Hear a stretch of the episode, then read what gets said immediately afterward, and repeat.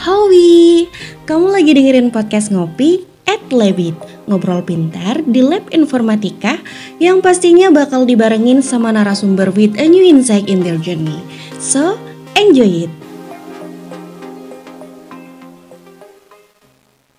Hai teman-teman yang sekalian, gimana nih kabarnya? Kita jumpa lagi di Ngopi, ngobrol pintar Labit UM. Nah, di Ngopi kali ini, saya Labita, salah satu admin Labit UFM, akan menemani kalian semua. Tapi admin nggak sendiri nih, di samping admin udah ada narasumber yang luar biasa. Dia adalah seorang mahasiswa informatika sekaligus asisten laboratorium informatika yang berkesempatan magang di Tokopedia. Kita langsung sambut aja, ini dia Mas Mufid Bisnis ya. Halo Mas Mufid. Ya, halo. Gimana nih kabarnya Mas Mufid? Baik kok. Mas, Mas, ini benar nggak sih Mas keterima magang di Tokopedia? Iya, bener sih. Udah jalan sekitar tiga bulan sih sampai sekarang. Oke, itu proses seleksinya tuh kayak gimana sih? Sulit nggak sih? Untuk seleksi kan ini kemarin ikut daftar lewat kamus merdeka ya. Jadi itu ada empat kalau nggak salah. Yang pertama tuh seleksi administrasi. Jadi di seleksi administrasi itu yang disetor tuh CV sama transkrip nilai. Terus setelah itu nanti dikontak nih sama pihak Tokopedia-nya buat ngerjain technical test. Nah itu kemarin pakai HackerRank. Jadi kita ngoding nih di HackerRank itu jadi ada kayak test case. Uh, mungkin kalau sudah ada yang familiar kayak sistemnya online belajar begitu sih. Mungkin yang biasa ikut competitive programming udah familiar. Nah terus setelah itu nanti dikontak lagi sama Tokopedia-nya untuk uh, HR interview. Di HR interview ini uh, saya tuh kemarin di ini sih cuma kayak diwawancara gimana sih? Uh, CV yang dikirim tuh. Terus uh, project apa aja sih yang pernah dikerjakan? Pernah magang di mana sebelumnya dan lain-lain. Terus juga kayak gimana sih cara ngerjain suatu projectnya dan gitu-gitu. Terus juga terakhir nih nanti ada user interview.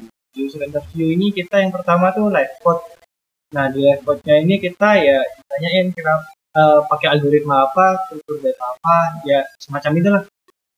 Terus sisanya di di pas user interview itu ya sharing-sharing aja sama interview. Gitu. Oh gitu, berarti uh, untuk penerimaannya tuh pengumumannya lewat mana mas? Oh iya, untuk pengumuman tuh kita, saya nanti saya kemarin tuh dikasih kayak email itu uh, welcome aboard gitu. Jadi yang keterima pasti dapat email itu biasanya lewat email sih kalau nggak keterima juga biasanya juga dapat email kalau memang belum memenuhi kebutuhan yang ada di Tokopedia. Oh gitu. Ada nggak sih mas kayak tips and trick gitu misalnya teman-teman IT dulu pada pengen magang juga di Tokopedia itu ada nggak sih kayak tips and trick buat bisa lolos seleksi Ada sih.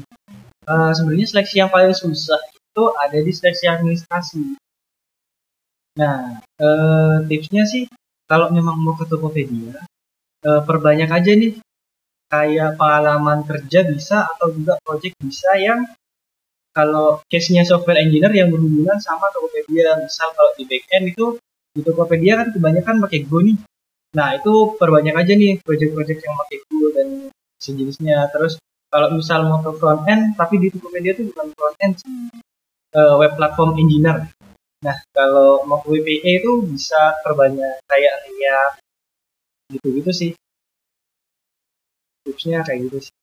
Oke, jadi menyesuaikan dari ini itu kayak gimana? Iya, benar. Tapi nggak menutup kemungkinan juga sih. E, misal sudah banyak kerjaan project Laravel atau apa, nyoba join jadi backend engineer, ada kemungkinan juga yang ketemu. Cuman nanti tetap dikasih training kok pas sudah masuk. Oke. Okay. Uh, eh, yang Mas lakukan selama magang ini udah berapa lama? Uh, maksudnya berapa lama dan ngelakuin apa aja nih dan? Uh, Oke. Okay. Kemarin kan uh, kalau di kamus merdekanya dari 20 23 Agustus. Ya, pokoknya sekitar 20-an Agustus itu cuman onboarding aja nih. Uh, pre bukan onboarding sih, pre onboarding. Jadi sebelum onboarding itu ada persiapan dulu nih uh, harus ngapain-ngapain gitu sampai tanggal 6 itu uh, ada onboarding. Jadi onboarding dari Tokopedia-nya nih. Jadi di onboarding itu ya dikenalin gimana sih kita cara kerja di Tokopedia itu gimana dan lain-lain lah yang kayak gitu. Nah terus setelah itu masuk. Setelah masuk itu pertama yang ke aku lakuin tuh kayak minta akses buat ke sistem-sistemnya Tokopedia. Ada beberapa yang perlu akses lah kayak misal ya sistem buat monitoring, sistem buat GitHub-nya juga harus minta akses dulu kan gitu. Nah, terus setelah itu baru bisa ngoding. Ngodingnya ini nanti sistemnya kita pakai tiket. Tiket itu bisa dilihat nanti ada namanya Jira. Jira itu semacam project project management mungkin kalau sudah familiar kayak ke Trello gitu-gitu ya sama sih. Cuman kalau di Tokopedia makanya Jira. Nah, jadi kita ngodingnya sesuai sama yang ada di Jira itu. Biasanya assign bisa dari mentor atau bisa dari uh, software engineer software engineer yang lain gitu.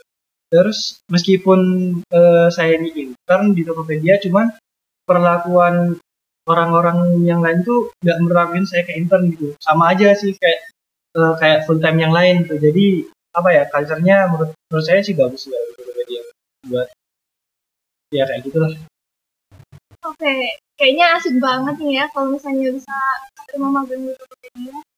Oh iya mas, um, mungkin lanjut aja nih, um, apa namanya, mas kan sekarang sebagai asisten lab informatika ya, sekaligus Yep. ada uh, magang di Tokopedia juga, ada kuliah juga. Itu gimana sih cara mas bisa manage waktu gitu? Soalnya kan padat banget nih kuliah ini.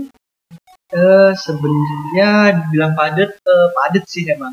Cuman kan kalau di Tokopedia tuh selama task kita udah selesai, eh ya udah kalau nggak ada task lagi kita bisa mengalokasikan waktu ke mana gitu. Mungkin kayak gitu. Dan kalau emang harus ada kayak mau ikut kuliah, mau ngas lab, nah itu bisa coba didiskus aja sama mentornya biar apa ya dikasih waktu longgar di jam ini lebih kayak gitu sih. Kalau untuk manage waktu di diri sendirinya ya ya gimana ya?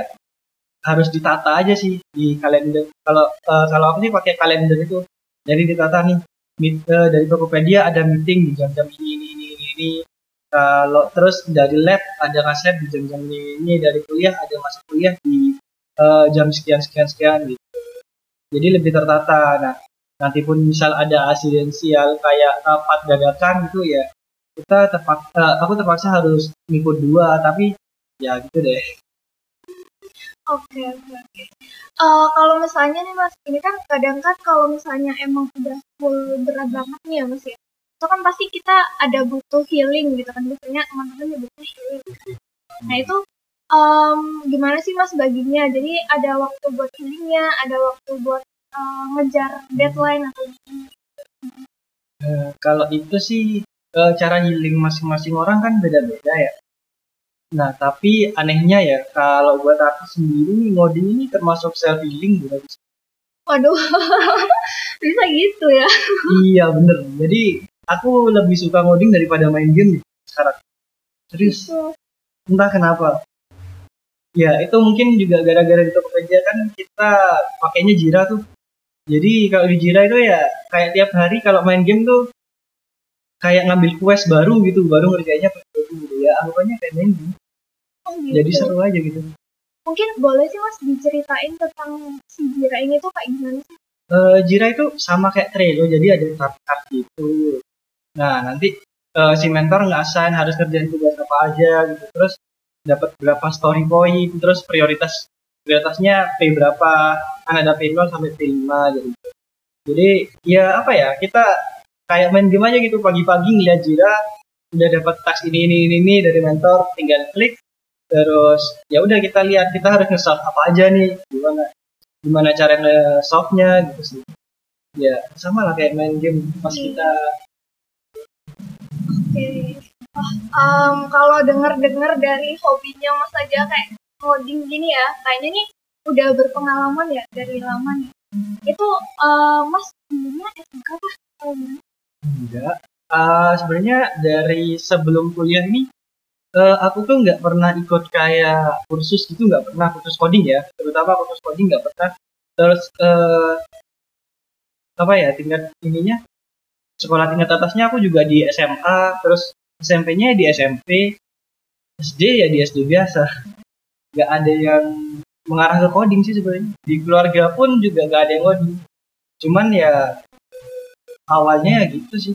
Ya dulu pernah dikasih buku satu sama orang tua sama papa lah.